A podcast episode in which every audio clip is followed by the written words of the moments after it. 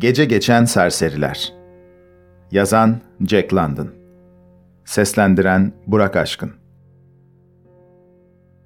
Serserilik günlerimde yüzlerce serseriyle karşılaşmış, yüzlercesiyle sohbet etmişimdir.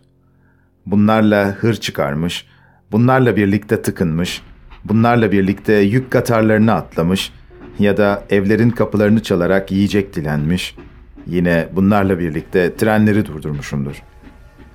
Ancak bunlar gelip geçmişler, bir daha görünmemişlerdir. Öbür yandan hiç durmadan bir görünüp bir kaybolan serserilerin yanı sıra insanın burnunun dibine kadar geldiği halde görünmeden, hortlak gibi gelip geçen, hiç görünmeyen serseriler de vardı. İşte sonunculardan biri olarak belirteceğim bir tanesini Kanada'nın bir ucundan öbür ucuna kadar 5000 kilometrelik demir yolu boyunca kovaladım. Yine de bir kere bile yüzünü göremedim. Takma adı Kuntura Yelken Jack'ti. Bu kovalamaca işine bulaşmam Montreal'de oldu. Çakıyla oyulmuş bir kuntura yelken sereni gördüm. Mükemmel bir oyma işiydi. Oyma resmin altına kuntura yelken Jack, üstüne de B.P 151094 yazıları oyulmuştu. Bu yazı Montreal'den 15 Kasım 1894 tarihinde Batı Postası ile geçtiğini bildiriyordu. Benden bir gün öndeydi.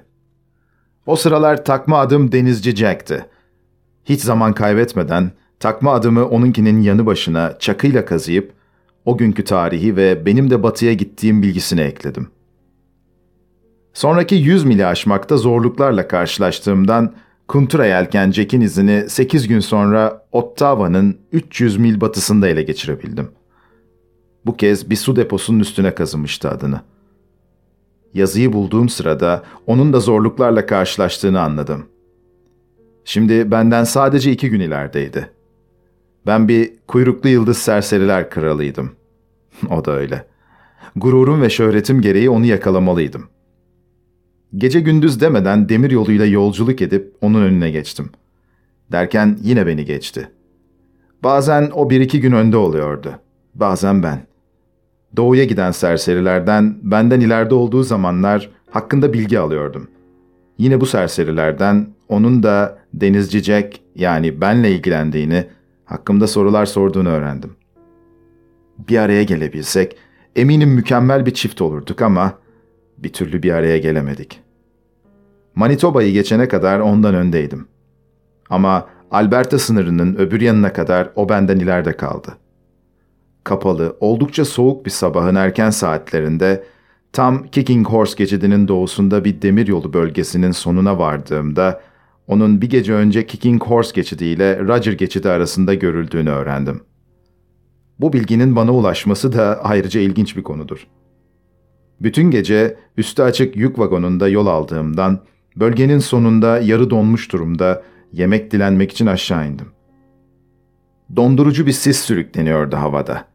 O yüzden lokomotif hangarında rastladığım birkaç ateşçiye yanaştım. Adamlar öğle karavanalarından arta kalanlarla beni tıka basa doyurmaktan başka bir litreye yakın nefis bir kahve de verdiler. Kahveyi ısıtıp tam yemeğe oturacağım sırada batıdan bir tren geldi. Sürgüleyen kapılardan birinin açıldığını ve bir ipsizin indiğini gördüm. Sürüklenen sis içinde ipsiz topallayarak üstüme doğru geldi. Soğuktan kas katı kesilmiş, dudakları morarmıştı. Kahvemle yiyeceklerimi onunla paylaştım. Kuntura yelkencek ve ipsizin kendisi hakkında bilgiler edindim. İşe bakın siz. O hem Kaliforniyalı hem Oaklandlıymış. Hemşeri oluyormuşuz meğer. Üstelik geçmişte ara sıra selamlaştığım ünlü bir çetenin üyelerindenmiş. Onunla çabucak konuşup yiyecekleri yarım saat içinde yalayıp yuttuk. Derken benim marşandiz kalktı. Ben de Kuntura Yelkencek'in izinde batıya doğru yeniden yola koyuldum.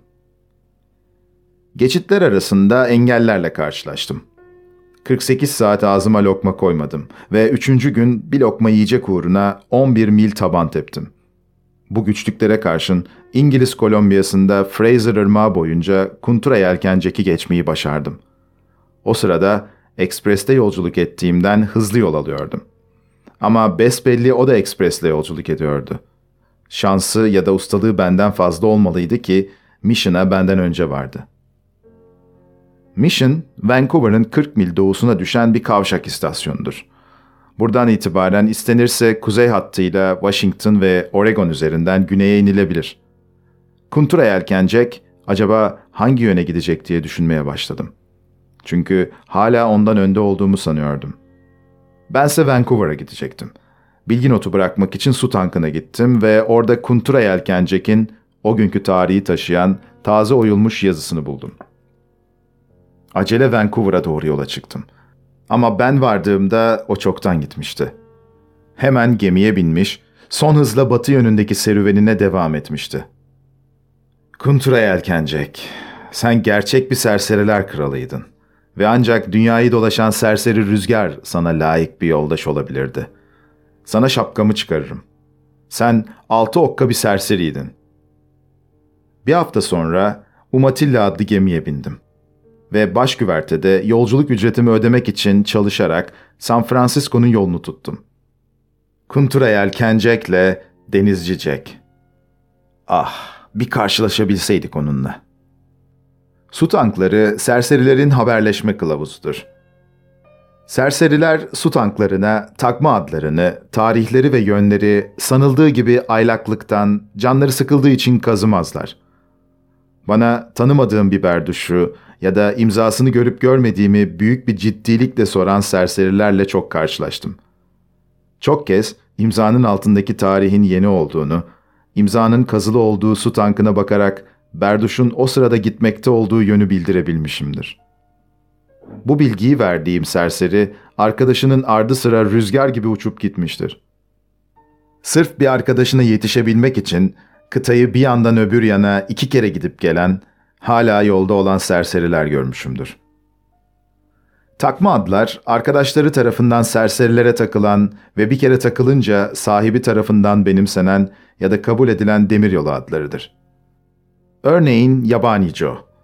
Çekingen yaratılışta olduğundan kendisine yabani denilmişti. Onur sahibi hiçbir serseri kendi kendine tutup da demi geçmiş ayyaş takma adını seçmez. Serserilerin pek azı geçmişlerini tiksinerek çalışmak zorunda kaldıkları dönemi hatırlamak ister. İşte o yüzden meslek, zanaat ve işle ilişkili takma adlara az rastlanır. Bununla birlikte şu takma adlara rastladığımı hatırlarım. Kalıpçı Becky, ressam Red, çiğ muslukçu, kazancı, gemici, matbaacı. Bu arada şunu da belirteyim ki, çi serseriler arasında şi gibi telaffuz edilir. Chicago, Chicago'lu anlamında kullanılır. Serserilerin en hoşlandıkları yöntem takma adlarını çıktıkları kente dayandırmaktır. Örneğin New York Tommy, Pacific Slim, Buffalo Smithy, Canton Tim, Pittsburgh Jack, Syracuse'lu parlak ve benzeri. Ayrıca ömründe çalışmamış ve hiç çalışmayacak Vinegar Hill'den Sırım Jim vardı. Parlak lakabı dolgun yüzlü genç bir zenci anlamına gelir. Böyle denmesinin nedeni belki yüzlerinin kara renginin ışığı belirgin kılan bir karşıtlık meydana getirmesindendir. Parlak Teksaslı ya da parlak Toledolu. Böylece hem ırkı hem de doğum yerini anlatır. Ulusal kökeni belli eden takma adlar arasında da şunları hatırlıyorum. New Yorklu İrlandalı, Michiganlı Fransız, İngiliz Jack, İngiliz Züpp Peckett, Milwaukee'li Hollandalı. Bazıları da takma adlarını herhalde anadan doğma sahip bulundukları renklerden almışlardır. Örneğin Chicago'lu gümüş, New Jersey'li kızıl, Bostonlu kara, Seattle'lı kumral, sarı dik ya da sarı göbekli. Bir de takma adının kendisine zorla kabul ettirildiğinden şüphelendiğim Mississippi'li Son Creole. Teksaslı kral Mutlu Joe, Heybetli Bob, Kara Fırtına, Arakçı McCall kendilerini yeniden vaftiz ederken daha fazla bir düş gücü kullanmışlar anlaşılan. Bazıları da düş gücüne yer bırakmadan fiziksel özellikleri açığa vuran takma adlardır. Vancouver'lı uzun, Detroit'li kısa, Ohio'lu şişko, uzun Jack, büyük Jim, Küçük Joe, New Yorklu Çipil, Chicago'lu Koca Burun ve beli kırık ben. İpsizlerin kullandıkları takma adlarsa çok çeşitlidir ve yine kendi özelliklerini anlatır. Şurada burada rastladığım bazıları, örneğin Tosun, kör olan, cüce, Allahlık, yarasa, eli çabuk, düzenci, maymun, pamuklu, mavalcı ve hazır cevap. 12 yıl önce New Mexico'nun San Marcial istasyonundaki su deposunun üstünde serserilere özgün şu liste bulunuyordu. 1. Su yolu, ana cadde fena değil. 2. Aynasızlar yumuşak. 3. Lokomotif hangarı pansiyona gelir. 4. Kuzey hattında çalışan trenlerde iş yok. 5. Hususiler de işe yaramaz. 6. Restoranlar yalnız aşçılara göre. 7. İstasyon binası yalnızca gece mesaisine yarar. Bir numara yani su yolu fena değil, ana caddenin para dilenmeye elverişli olduğunu, iki numara yani aynasızlar yumuşak, polisin serserileri rahatsız etmeyeceği, üç numara yani lokomotif hangarı pansiyona gelir, lokomotif hangarında uyunabileceği anlamına geliyor. Bununla birlikte dört numara ile ne anlatıldığı açık değil. Kuzey hattında çalışan trenlerde iş yok. Yani binmeye elverişli olmayabilir, dilenmeye de. 5 numara yani hususiler de işe yaramaz, özel kişilere ait evlerden dilencilere yüz verilmediği anlatılır. 6 numara yani restoranlar yalnız aşçılara göre lokantalardan ancak aşçılıktan anlayanların azık çıkarabileceği anlamını taşır. 7 numara istasyon binası yalnızca gece mesaisine yarar, benim en çok canımı sıkan şeydir. Çünkü bu anlatım istasyon binasında herhangi bir serserinin geceleyin rahatça dilenebileceği anlamına mı yoksa burasının geceleri yalnız aşçı serserilerin mi işine yarayacağı yahut ister aşçı olsun ister olmasın herhangi bir serserinin geceleri istasyon binasında çalışan aşçılara pis işlerinde yardım edip karşılığında karınlarını doyurabileceği anlamına mı geldiğini doğrusu çıkaramazdım. Neyse, biz yine gece gelip geçen serserilere dönelim. Bir tanesiyle Kaliforniya'da karşılaştığımı hatırlıyorum. İsveçliydi. Ama Amerika'da o kadar uzun zaman kalmıştı ki hangi ulustan olduğunu kestiremezdiniz. Ancak kendisi söyleyince nereli olduğunu anlayabilirdiniz. Aslında Amerika'ya bebekken gelmiş. Onunla bir dağ kenti olan Traki'de tanıştım.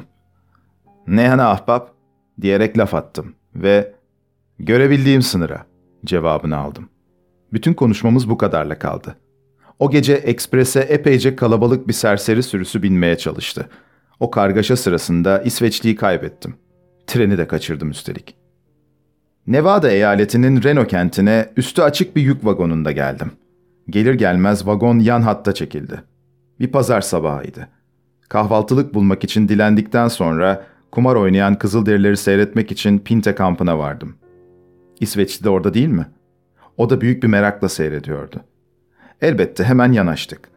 O yörede tek tanıdığım oydu. Aynı şekilde onun da tek tanıdığı bendim. Canı sıkkın iki eski dost gibi birlikte dolaştık. Günü birlikte geçirdik. Akşam azığımızı çıkarmak için birlikte dilendik ve akşamüstü geç saatlerde aynı marşandize atlamayı denedik. Ne var ki İsveçli yaya kaldı. Ben bir başıma bindim yük trenine. Ama 20 mil ötede çölün ortasında beni de yaya bıraktılar. Burası kadar ıssız bir yer görülmemiştir. Burası çölün kumları, çalıları arasında sanki gökten indirilmişçesine oturtulmuş bir tahta barakadan oluşan, trenlerin ancak işaret verildiği zaman durdukları önemsiz bir istasyondu. Soğuk bir rüzgar esiyor, gece bastırıyor ve kulübede tek başına yaşayan telgraf operatörü benden korkuyordu. Bu adamın bana ne bir lokma ekmek vereceğini ne de yatacak bir yer göstereceğini çok iyi biliyordum. Doğuya giden trenlerin orada hiç durmadıklarını söyledi. Ama adamın benden korktuğu her halinden belli olduğu için bu söylediklerine inanmadım. Üstelik daha beş dakika önce doğuya giden bir trenden atılmamış mıydım? Adam trenin emir üzerine durduğuna, başka bir trenin ise belki bir yıl sonra duracağına beni inandırmaya çalıştı. Orada Wadsworth'un topu topu 15-20 kilometre olduğunu söyleyip yürümemi önerdi. Bense beklemeyi tercih ettim. Ve doğuya giden iki trenle bir marşandizin durmadan geçtiklerini görme şanssızlığına eriştim. Acaba İsveçli marşandizde miydi diye düşündüm. Artık benim için Wordsworth'a kadar demiryolu traversleri üzerinde yürümekten başka çıkar yol kalmamıştı. Ben de tabanları yağladım. Ben ayrılınca telgraf operatörünün rahat bir soluk aldığını hissettim. Çünkü kulübesini yakıp herifi gebertmeyi savsaklamıştım. Neyse, telgraf operatörleri yatıp kalkıp hallerine dua etsinler. 8-10 kilometre sonra traversleri bırakmak zorunda kaldım. Zira doğu yönünde bir ekspres geçti gitti. Tren hızlı gidiyordu. Ama kör vagonların birincisinin sahanlığında belli belirsiz seçtiğim karaltıyı İsveçli'ye benzettim. Yorucu günlerle dolu uzun bir süre boyunca onu son görüşüm oldu bu. 160 kilometrelik Nevada çölünün yükseltilerini zaman kazanmak için geceleri ekspreslerle, gündüzleri üstü açık yük vagonlarıyla uyuyarak geçirdim. Yılın ilk aylarındaydık. O yüzden bu yaylalar soğuktu. Düzlük yerlerde ötede beride kar görülüyordu. Tepeler bembeyaz bir örtü altındaydı. Geceleri ise bu beyaz tepelerden aklın almayacağı kadar dondurucu bir rüzgar esiyordu. Yani fazla oyalanılacak bir memleket değildi oraları. Üstelik unutmayınız ki serseri bu ülkeyi her türlü barınaktan yoksun, beş parasız, yiyeceğini dilenerek, gecelerini battaniyesiz geçirerek aşmak zorundadır. Hele geceleri battaniyesiz geçirmek yok mu? İşte onu ancak çeken bilir. Akşamın erken saatlerinde Ogden'deki depoya indim. Union Pacific Express'i doğuya hareket etmek üzereydi. Ben de bu trene binmeyi kafama koymuştum. Lokomotifin ilerisinde rayların örümcek ağına döndüğü bölümde alacakaranlıkta şapşal şapşal yürüyen biriyle karşılaştım. İsveçliydi. Uzun yıllar sonra birbirine kavuşan iki dost gibi el sıkıştık. Ve ikimizin de ellerinde eldiven bulunduğunu fark ettik. ''Nereden arakladın onları?'' diye sordum. ''Bir lokomotiften.'' diye cevap verdi. ''Ya sen?'' ''Ateşçinin birine aitti.'' dedim. ''Dikkatsizmiş.'' Tren kalkınca kör vagon sahanlığına atladık ve orasının çok soğuk olduğunu gördük. Tren karlarla örtülü dağların arasından dar bir boğazda yokuş çıkıyor, bizse tir tir titreyerek Renault ile Ogden arasını nasıl açtığımızı birbirimize anlatıyorduk. Ben önceki gece bir saat ya uyumuş ya uyumamıştım. Ayrıca kör vagon sahanlığı kestirmeme el vermeyecek kadar rahatsızdı. Bir durakta inip ileriye lokomotife gittim. Trene yokuşu çıkabilmesi için çift lokomotif bağlanmıştı. Öndeki lokomotifin burnu rüzgarı karşılayacağı için çok soğuk olacağından ikinci lokomotifin burnunu seçtim. Burası öndeki lokomotif tarafından rüzgardan korunuyordu. Rüzgarı kesen tarafın üstüne çıkınca lokomotifin burnunun tutulmuş olduğunu gördüm. Karanlıkta el yordamıyla önceki konuğun bir oğlan çocuğu olduğunu anladım. Mışıl mışıl uyuyordu. Sıkışırlarsa iki kişilik yer vardı. Onun için oğlanı iterek yan döndürüp yanı başına sokuldum. Güzel bir geceydi. Görevli memurlar bizi rahatsız etmediğinden hemen uyuduk. Arada sırada lokomotiften gelen kıvılcımlar ve sert sarsıntılarla birden uyanıyor ama çocuğa biraz daha sokuluyor, lokomotiflerin oflayıp puflamaları, tekerleklerin gıcırtıları arasında hemen dalıyordum. Express, Wyoming eyaletinin Evanston kentine geldi ve orada kaldı. İlerideki bir kaza yolu tıkamıştı. Ölü makinisti getirmişlerdi.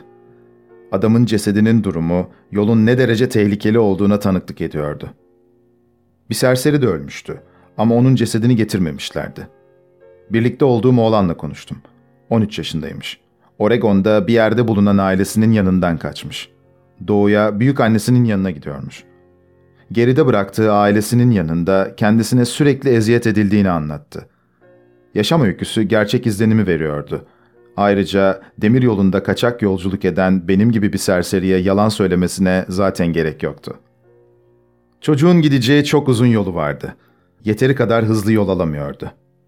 Bölüm amirleri ekspresi gerisin geriye yollayıp oradan Oregon kestirme hattına vererek tekrar doğuya döndürdükten sonra oğlan lokomotifin burnuna çıkıp yerleşti ve yerinden ayrılmayacağını söyledi.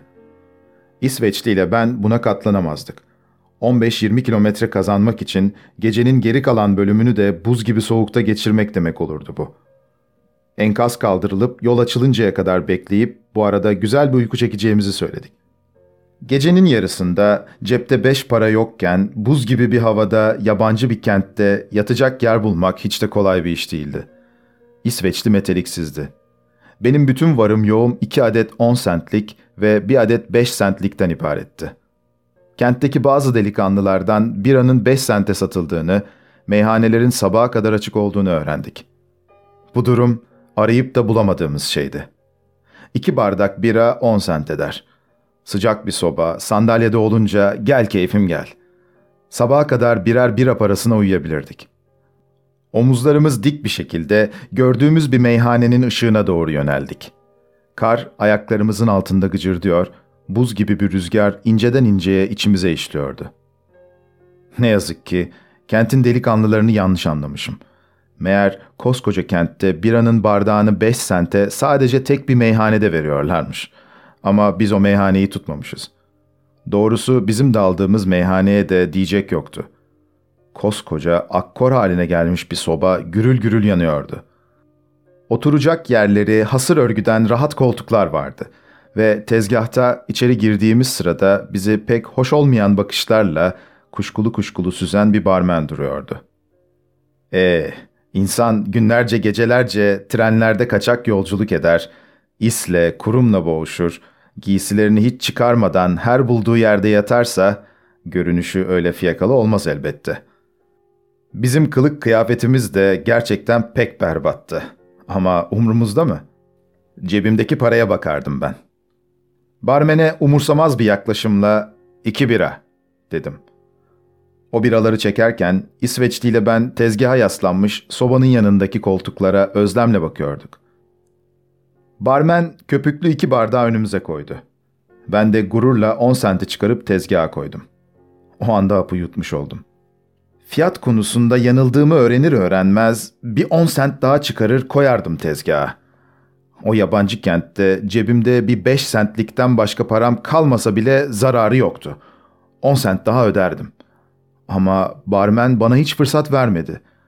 Tezgaha bıraktığım 10 sentliğe gözü ilişir ilişmez, bira bardaklarından birini bir eliyle, öbürünü öteki eliyle kaptığı gibi biraları barın arkasındaki musluk taşına döküverdi. Aynı anda kötülük okunan gözleriyle bize yiyecek gibi bakarak kükredi. Sizi gidi burnu yaralılar, sizi gidi burnu yaralılar. Yara yoktu burnumda, İsveçlinin de yoktu. Burnumuz sapasağlamdı. Adamın laflarının dolaysız olarak ne anlama geldiğini kestiremedik. Ama dolaylı olarak ne anlattığı apaçık ortadaydı. Görünüşümüzü beğenmemiş herif. Biranın da bardağı on sentti besbelli. Hemen elimi cebime atıp tezgaha bir on sentlik daha koyarak ilgisizce ''Ha, ben burasını beş sentlik batakhanelerden sanmıştım.'' dedim. Barmen iki adet on sentliği önüme doğru iterek ''Paranız burada geçmez.'' dedi. Boynumu büküp paraları cebime soktum. Gözümüz o güzelim sobayla koltuklarda kalarak boynu bükük meyhaneden gecenin ayazına çıktık. Biz kapıdan çıkarken barmen ateş saçan gözlerle ardımızdan hala bağırıyordu. Sizi gidi burnu yaralılar. O günden bu yana dünyanın birçok yerini gördüm. Yabancı ülkeler gezdim. Yabancı insanlar arasında dolaştım. Pek çok kitap karıştırdım. Okul sıralarında dirsek çürüttüm. Ama bugüne dek uzun uzun düşündüğüm halde Wyoming eyaletinin Evanston kentindeki o barmenin bilmecemsi lafındaki anlamı bir türlü çıkaramadım. Çünkü burnumuz sapasağlamdı. O geceyi bir elektrik üretim merkezindeki kazanların üstünde uyuyarak geçirdik. O pansiyonu nasıl bulduk hatırlamıyorum. Hani atlar nasıl sulaklara doğru gider, posta güvercinleri nasıl gerçek yuvasına yönelirse, biz de öyle içgüdülerimizle dost doğru oraya yönelmişiz herhalde. Ancak anısı hiç de hoş olmayan bir gece geçirdik. Bir düzine serseri bizden önce kazanların üstüne yatmıştı. O kadar insan doluşunca dayanılmayacak kadar sıcak oldu. Üstelik kazancı aşağı inmemize izin vermedi. Ya kazanların üstünde kalacaktık ya da dışarıya kara çıkacaktık. Başka çaremiz yoktu. Sıcaktan bunalmış, deli gibi ocak dairesine indiğimde kazancı bana ''Biraz önce uyumak istediğini söylüyordun ya, zıbar işte Allah'ın belası.'' dedi. Gözlerimde biriken teri silerek ''Su'' diye inledim. Su. Adam dışarısını işaret ederek orada karanlıkta bir yerde ırmağı bulabileceğimi söyledi. Irmağı bulmak için dışarı çıktım. Karanlıkta kayboldum. İki üç kere su birikintisi içine düştüm. Sonunda vazgeçip yarı donmuş halde kazanların tepesine döndüm. Buzlarım çözülünce susuzluğum bir kat daha arttı. Çevremdeki serseriler inliyor, homurdanıyor, hıçkırıyor, iç çekiyor, soluyor, ofluyor, pufluyor, dönüyor, kıpır kıpır kıpırdıyor, sıkıntıdan kıvranıyorlardı. Biz, zavallı günahkar ruhlar, o cehennemin ateşinde kavruluyorduk da, kazancı olacak o cehennem zebanisi bize sadece dışarının soğuğunda donma seçeneğini bırakıyordu. İsveçli doğrulup oturdu. Kendisini serseriliğe iten, dolayısıyla bunca acı ve işkenceye katlanmak zorunda bırakan insanoğlunun macera hırsına lanet okudu. Chicago'ya döndüğümde bir iş bulup gireceğim ve cehennem donuncaya dek o işte kalacağım. Ancak cehennem donduktan sonra serseriliğe tekrar başlayacağım, diye kestirip attı. Kaderin şu cilvesine bakınız ki, ertesi gün enkaz kaldırıldıktan sonra İsveçli ile birlikte Evanston'dan ayrılışımız, güneşli Kaliforniya'dan gelme meyve yüklü özel hızlı yük türeninin buz kasaları içinde oldu. Doğal ki hava soğuk olduğundan buz kasaları boştu ama içlerinde buz olmadığı için daha sıcak değildiler. Buz kasalarının içine vagonun tepesindeki ambar ağızlarından girdik. Buz kasaları galvanize saçtan yapılmıştı ve o ısırıcı soğukta bunlara dokunmak hoş değildi. Sırtımız ürpererek, titreyerek oraya uzandık. Dişlerimiz takırdayarak bir durum değerlendirmesi yaptık. Bu durum değerlendirmesi sonucunda şu konuk sevmez ovalık bölgeden çıkıp Mississippi Vadisi'nin içlerine girinceye dek gündüz ve geceyi buz kasaları içinde geçirmeye karar verdik. Ancak bir şeyler yememiz gerekiyordu. O yüzden bir sonraki durulacak bölgede dilenerek azığımızı çıkaracak, sonra aceleyle buz kasalarımıza dönecektik.'' Green River kasabasına akşamüstü geç saatlerde ama akşam yemeği için erken sayılabilecek bir saatte vardık. Yemek zamanından önceki saatler evlerin arka kapılarını çalmak için en kötü zamandır. Ama biz cesaretimizi topladık. Marşandiz istasyon alanına girerken yan merdivenlerden kendimizi aşağı bıraktık. Evlere doğru bir koşu tutturduk. Kısa zamanda birbirimizden ayrıldık. Buz kasalarında buluşmak üzere sözleştik.'' Başlangıçta şansım kötü gitti. Ama sonunda birkaç evden verilen yiyeceklerle gömleğimin içi doldurulmuş olarak trenin ardına düştüm. Tren kalkmış, oldukça da hızlanmıştı. İçinde buluşmayı kararlaştırdığımız buz vagonu geçip gitmişti. O vagondan altı vagon aşağıda yan merdivenlere atlayıp aceleyle tepeye tırmandım. Ve bir buz kasasının içine atladım. Ne var ki Tren görevlilerinin bulunduğu servis vagonunda bir tren görevlisi beni görmüş. Nitekim birkaç mil ötede ikinci durak olan Rock Springs'te görevli memur buz kasasının içine kafasını uzatıp bağırdı. ''Defol ulan! İt oğlu it! Defol!'' Aynı zamanda beni topuklarımdan yakalayıp sürükleyerek dışarı çıkardı. Ben de ister istemez defoldum ve marşandiz içindeki İsveçli ile gözümün önünden geçip gitti.'' Kar başlamıştı. Soğuk bir gece yaklaşıyordu.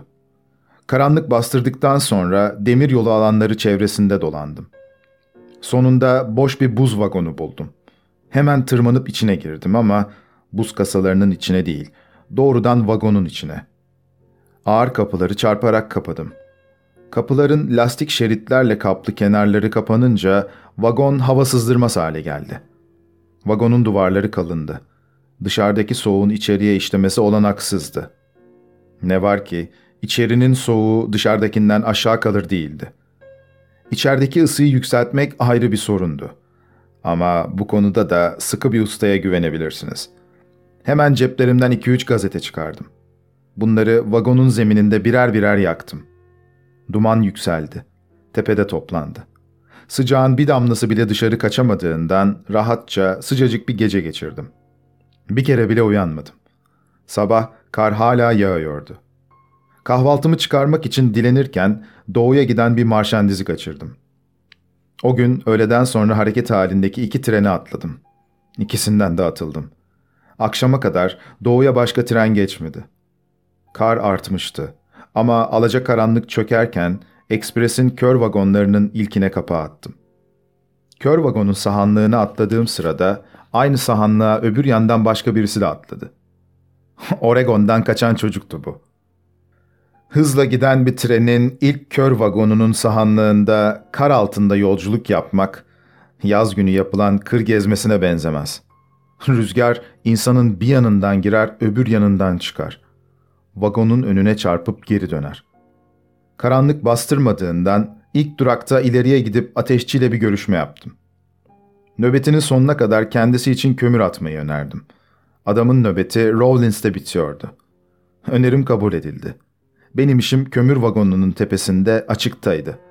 Kar altında balyozla kömürleri kırıp ön tarafa ateşçinin elinin altına kuruyordum.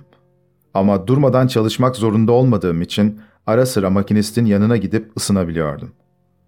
Soluk almak için ilk ara verdiğimde ateşçiye e, şey dedim. Arkada ufak bir oğlan var. Donacak. Union Pacific Express'lerinin lokomotiflerindeki makinist yerleri oldukça geniştir. Nitekim oğlanı ateşçinin oturduğu yüksek yerin ön yanında sıcak bir köşeye yerleştirdik. Oğlancık hemen uyudu. Rawlins'e gece yarısı vardık. Kar hızını daha da arttırmıştı.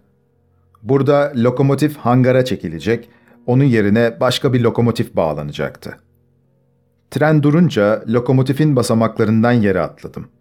Atlamamla kendimi kalın paltolu, iri yarı bir adamın kollarında buldum. Adam bana sorular yöneltmeye başlayınca hemen kendisinin kim olduğunu sordum. Hiç zaman yitirmeden şerif olduğunu söyledi. Dikleşmeyi bırakıp efendice dinledim. Cevap verdim. Şerif bana makinistin yerinde uyumakta olan çocuğu tarif etmeye başladı. Kafamı işlettim çabucak. Besbelli ailesi oğlanın izi üzerindeydi. Şerif de Oregon'dan telgrafla talimat almış olacaktı. Şerif'e çocuğu gördüğümü, onun ilk önce Ogden'da rastladığımı söyledim. Verdiğim tarih, Şerif'in elindeki bilgilere uyuyordu. Ama çocuk hala gerilerde bir yerde olmalı diye açıkladım. Çünkü söz konusu ekspres Rock Springs'te hareket ettiği sırada çocuğu bu ekspresten kovmuşlardı.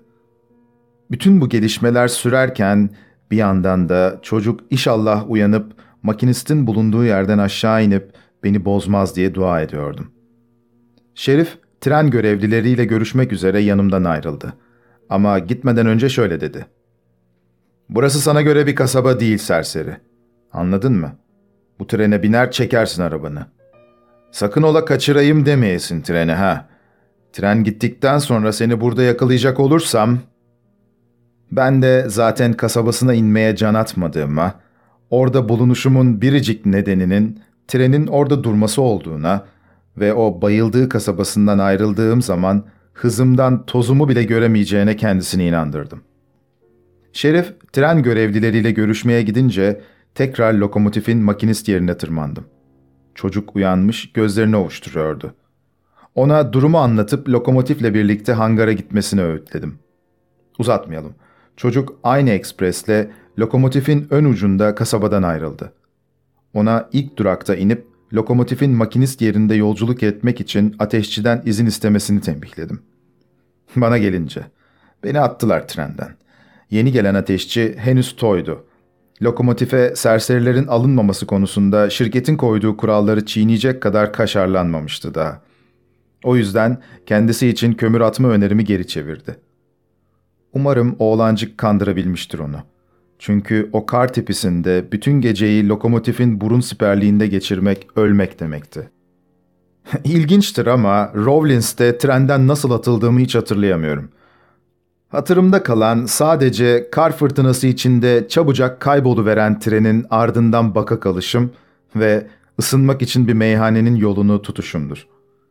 Meyhane aydınlıktı, sıcaktı. Meyhanede işler tıkırındaydı ve her şey ortadaydı.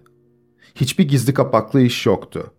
Faro, rulet, kreps ve poker masaları tam gaz işliyor, birkaç sığır çobanı çılgınca eğlenip geceye neşe katıyorlardı.'' Tam bu sığır çobanlarıyla ahbaplığı yoluna koymuş, ısmarladıkları ilk içkimi mideye indiriyordum ki ağır bir el omzuma dokundu. Geri dönüp bakınca ağzımdan acıklı bir ah çıktı. Karşımda Şerif duruyordu. Tek kelime etmeden beni önüne kattığı gibi dışarıya yağan karın altına çıkardı. ''Şurada, aşağıda bir meyve treni var.'' dedi Şerif. ''Böyle bir gecede insan soğuktan donar.'' Dedim. ''Tren 10 dakikaya kalkıyor.'' dedi Şerif. Hepsi o kadar. Tartışma filan olmadı. O meyve treni hareket ettiğinde buz kasalarının içindeydim. Sabaha varmadan ayaklarım donar diyordum. Laramie'ye kadar son 20 mil boyunca ambar ağzını açık tutup ayakta dikildim ve zıpladım durdum. Kar kalın bir perde meydana getirdiğinden görevli memurlar beni göremediler. Hoş, görseler bile umurumda değildi ya. Çeyrek dolarımla Laramie'de kendime sıcak bir kahvaltı satın aldım. Sonra hemen bir ekspresin kör vagonuna attım kapağı. Bu ekspres kayalık dağların tam orta yerindeki geçide tırmanacaktı. İnsan güpe gündüz kör vagonda yolculuk edemez ama görevli memurların bu kar fırtınasında kayalık dağların tepesinde beni trenden atmak için uğraşacak kadar acımasız olduklarını sanmıyordum. Uğraşmadılar nitekim. Yalnız her durakta inip ön tarafa geliyor, daha donmadın mı diye bakıyorlardı. Kayalık dağların doruğunda, yüksekliğini şimdi unuttum, Ames anıtının bulunduğu yerde görevli memur son bir kez geldi. ''Bak hele serseri'' dedi. ''Bize yol vermek için şurada yan hatta çekilmiş duran marşandizi görüyor musun?'' ''Evet görmüştüm. Üç metre ötedeki bitişik hattı bu. 50-60 santim daha uzakta olsa bu tipi de kesinlikle göremezdim.'' ''İşte'' dedi görevli memur. Kelly ordusunun artçıları o vagonlardan birinin içinde. Altlarında 50 santim kalınlığında saman var. O kadar kalabalıklar ki vagon hamam gibi sıcak. Adamın önerisi yabana atılacak cinsten olmadığından öneriye uydum. Ancak herif bana oyun etmiş olmasın diye tren hareket eder etmez yine kör vagona atlamaya hazırlıklıydım. Ama söylediği doğru çıktı. Vagonu buldum. Rüzgar altındaki kapısı içerisini havalandırmak için ardına kadar açılmış büyük bir buz vagonuydu. Hemen tırmanıp girdim içine. Bir adamın bacağına ardından bir başkasının koluna bastım. İçerisi loştu. Bundan dolayı birbirine girmiş karma karışık kollar, bacaklar, gövdelerden başka bir şey seçemiyordum. Böyle bir insan gördüğümü hiç görülmemiştir. Samanların üstüne uzanmışlar, yan yana, alt alta, üst üste yatıyorlardı. 84 tane iri kıyım serseri sere serpe uzandığı zaman oldukça büyük yer kaplıyordu. Üstlerine bastığım adamlar kızdılar. Altımda gövdeleri deniz dalgaları gibi kabardı ve beni elimde olmaksızın ileriye doğru hareket ettirdi. Üstüne basılacak bir tek saman çöpü bile bulunmadığından ister istemez başka adamların üstüne bastım. Öfke arttı. Artan öfkeyle birlikte ileriye doğru hareketim de hızlandı. Ayaklarım yerden kesildi. Aniden kıç üstü oturdum. Ne yazık ki birinin başına oturmuştum. Bir anda adam elleri ve dizlerinin üstünde hırsla kalktı. Aynı anda kendimi havada buldum. Eh, her havalanan nesne eninde sonunda yere inmek zorundadır. Nitekim ben de indim. İndim ama bu kez de başka birisinin kafasının üstüne. Bundan sonra olanları belli belirsiz hatırlayabiliyorum. Sanki bir harman dövme makinesinden geçiriliyor gibiydim. Top gibi bir uçtan bir uca gidip geliyordum. Sağlam kalan yerim en sonunda üstüne oturacak bir parça saman buluncaya kadar bu 84 serseri harmanımı savurdular.'' Sonunda bu neşeli kalabalık içine kabul edilmiştim. O gün hep kar fırtınası içinde yol aldık. Biz de zaman geçirmek için aramızda bir karar aldık. Herkes bir öykü anlatacaktı. Her öykünün güzel, üstelik oradakilerden hiçbirinin duymadığı ilginç bir öykü olması öngörülmüştü. Başaramayanlar ceza olarak harman dövme makinesinden geçirilecekti. Kimse başarısızlığa uğramadı. Hemen şurasını belirtmek isterim ki Ömrümde böylesine olağanüstü öykü dinleme aleminde bulunmadım. Dünyanın dört bucağından 84, benimle birlikte 85 adam vardı ve her birinin anlattığı öykü ayrı birer şaheserdi. İster istemez öyle olacaktı. Ya şaheser ya da harman dövme makinesi. Akşam geç saatlerde Cheyen'e vardık. Kar fırtınası şiddetinin doruğuna ulaşmıştı. Hiçbirimizin kursağına sabah kahvaltısından sonra bir lokma yiyecek girmediği halde kimse akşam yemeği için dilenmeye çıkmak istemedi. Tren bütün gece kar fırtınası içinde yol aldı. Ertesi gün Nebraska'nın tatlı düzlüklerine inmiş, ovada yol alıyorduk. Kar fırtınalarını, dağları geride bırakmıştık. Kutsal güneş, gülümseyen bir ülkenin üzerinde parlıyordu. Ve hiçbirimiz 24 saatten beri bir lokma bir şey yememiş bulunuyorduk. Trenin öğleye doğru, yanlış hatırlamıyorsam, Grand Island adlı bir kasabaya varacağını öğrendik. Hemen aramızda para toplayıp bu kasabanın yetkililerine bir telgraf çektik. Telgrafta 85 tane sağlıklı ve aç serserinin öğleye doğru kasabalarına ulaşacağı, bu 85 kişiye öğle yemeği hazır etmelerinin kendi çıkarları açısından önemi anlatılıyordu. Grand Island kasabası yetkilileri için önlerinde iki şık vardı. Ya bize yemek yedirecekler ya da içeri tıkacaklardı. Hapse atsalar yine bizi beslemek zorunda kalacaklardı. O yüzden akıllılık edip bir tek öğle yemeğinin kendilerine daha ucuza geleceğini düşünmüş olmalılar. Bizler vagonun tepesine çıkıp oturmuş, bacaklarımızı aşağı sallandırmış haldeyken Marşandiz öğleyin Grand Island'a girdi. Kentin bütün polisleri karşılama komitesi içinde yer almıştı. Bizi takımlara ayırıp yemek sofraları önceden hazırlanmış çeşitli otel ve lokantalara uygun adımlarla götürdüler. 36 saattir yemek yememiş bizlere buyurun demelerine bile gerek kalmadı. Ondan sonra yine uygun adımlarla istasyona geri götürdüler. Polis düşünceli davranmış, Marşandiz'i biz geri gelinceye kadar bekletmişti. Marşandiz ağır ağır hareket etti ve hat boyunca ip gibi dizilen 85'imiz birden vagonların basamaklarına üşüştük. Treni ele geçirdik. O akşam yemek yemedik. Daha doğrusu artçılar takımı yemedi ama ben yedim. Tam akşam yemeği zamanı tren küçük bir kasabadan hareket etmişti ki vagona bir adam bindi. O sırada üç serseriyle iskambil oynuyordum. Yeni gelen adamın gömleğinde kuşku uyandıran bir şişkinlik vardı. Elinde buharı tüten, ezik büzük bir litrelik bir kupa taşıyordu. Burnuma kahve kokusu geldi. Elimdeki kağıtları bizi seyredenlerden birine verip oyunculardan beni bağışlamalarını istedim. Sonra vagonun öbür ucunda kıskanç bakışlar tarafından izlenerek vagona yeni binen adamla birlikte çöküp onun kahvesine ve gömleğini şişiren, dilenerek elde edilmiş yiyeceklerine ortak oldum. Bu adam benim İsveçliydi. Gece saat 10 sularında Omaha'ya vardık. Takımı ekelim, dedi İsveçli. Olur, dedim. Tren Omaha'ya girerken takımı ekmeye hazırlandık. Fakat Omahalılar da hazırlanmışlar.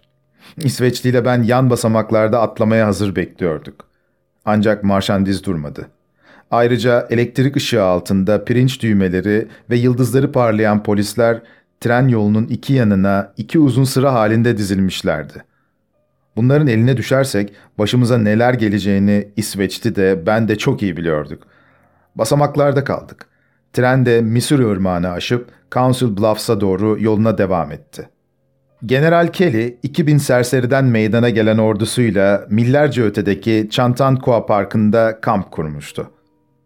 Bizimle birlikte yolculuk eden General Kelly ordusunun artçı döküntüleri Council Bluffs'ta trenden indirildikleri için kamp yerine doğru yayan yola çıktılar. Gece hava soğumuştu. Şiddetli bir rüzgara eşlik eden yağmur iliklerimize işliyor, bizi donduruyordu. Çevremizi saran bir sürü polis, kimsenin gruptan ayrılmamasını sağlayarak kampa kadar bize eşlik ediyordu. İsveçli ile ben gözümüzü dört açıp bir punduna getirerek enselenmeden kirişi kırdık.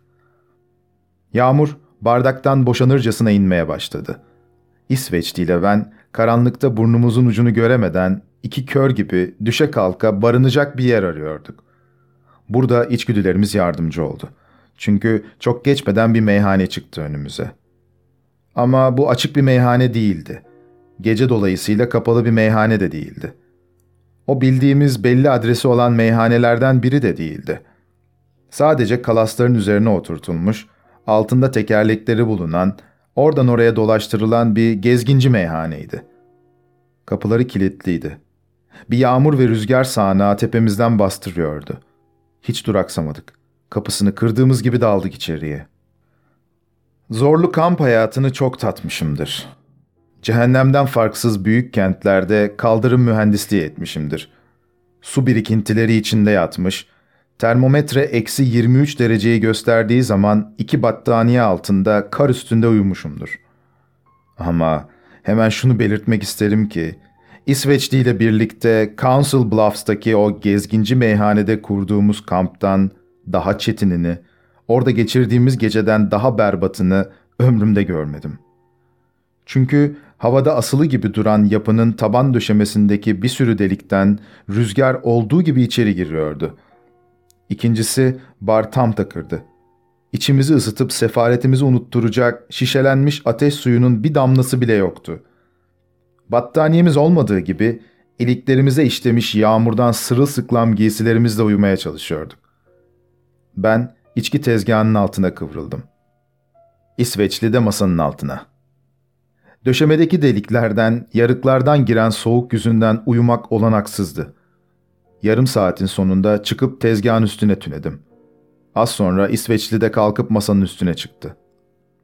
Bulunduğumuz yerde gün bir an önce ışısın diye dua ederek titreyip duruyorduk. Ben kendi hesabıma öyle titredim ki artık titreyemez oldum. Kaslarım titremekten yorulup kas katı kesildi. Her yanım dehşetli ağrımaya başladı. İsveçli inliyor, homurdanıyor ve ikide bir de takırdayan dişlerinin arasından ''Bir daha mı? Tövbe!'' diye mırıldanıyordu. Bu sözü hiç durmadan, hiç usanmadan bin kez tekrarladı. Hatta şöyle kestirir gibi olduğu zaman uyku arasında bile tekrarladı. Şafağın ilk kurşuni aydınlığıyla birlikte işkenceler evini terk edip çıktık. Dışarıda kendimizi koyu, soğuk bir sisin içinde bulduk. Düşe kalka ilerledik. Sonunda bir demir yoluna çıktık. Ben kahvaltılık bulmak için dilenmek üzere Omaha'ya dönecektim. Arkadaşımsa Chicago'ya doğru yoluna devam edecekti. Ayrılık anı gelip çatmıştı. Soğuktan donmuş ellerimiz birbirine doğru uzandı. İkimiz de ürpertiler geçiriyorduk. Konuşmayı denedik ama dişlerimizin takırtısından başka ses çıkaramadığımız için susmak zorunda kaldık. Birbirini kavramaya çalışan donuk ellerimiz duygudaşlıkla sallanırken gözlerimizi birbirimize dikip dut yemiş bülbül gibi kala kaldık. İsveçlinin yüzü soğuktan mosmor kesilmişti. Benimkinin de ondan aşağı kalır yeri olmadığını biliyordum. Güç bela, neye tövbe bir daha diyebildim. Konuşmak için kendini zorlayan İsveçlinin gırtlağından önce hırıltılar çıktı. Sonra adeta elleri gibi donmuş ruhunun derinliklerinden gelen ve zor işitilen incecik bir fısıltı halinde şu kelimeler döküldü. Serseriliğe tövbe bir daha. Durdu. Yeniden konuşmaya başladığında sesi kesin kararını destekler gibi güç kazanmış, daha da kalınlaşmıştı. Serseriliğe tövbe bir daha. Bir iş bulacağım kendime. Ee, sen de öyle yaparsan iyi edersin dostum. Böyle geceler insanı romatizma yapar. Elimi sıktı. Hoşça kal serseri, dedi. Güle güle serseri, dedim. Biraz sonra sis ikimizi yutarak ayırdı birbirimizden. Onunla son görüşmemiz oldu bu. Ama şimdi buradan sana sesleniyorum İsveçli. Namı diğer Kuntura Jack. Her neredeysen aradığın şeyi bulmuşsundur umarım.''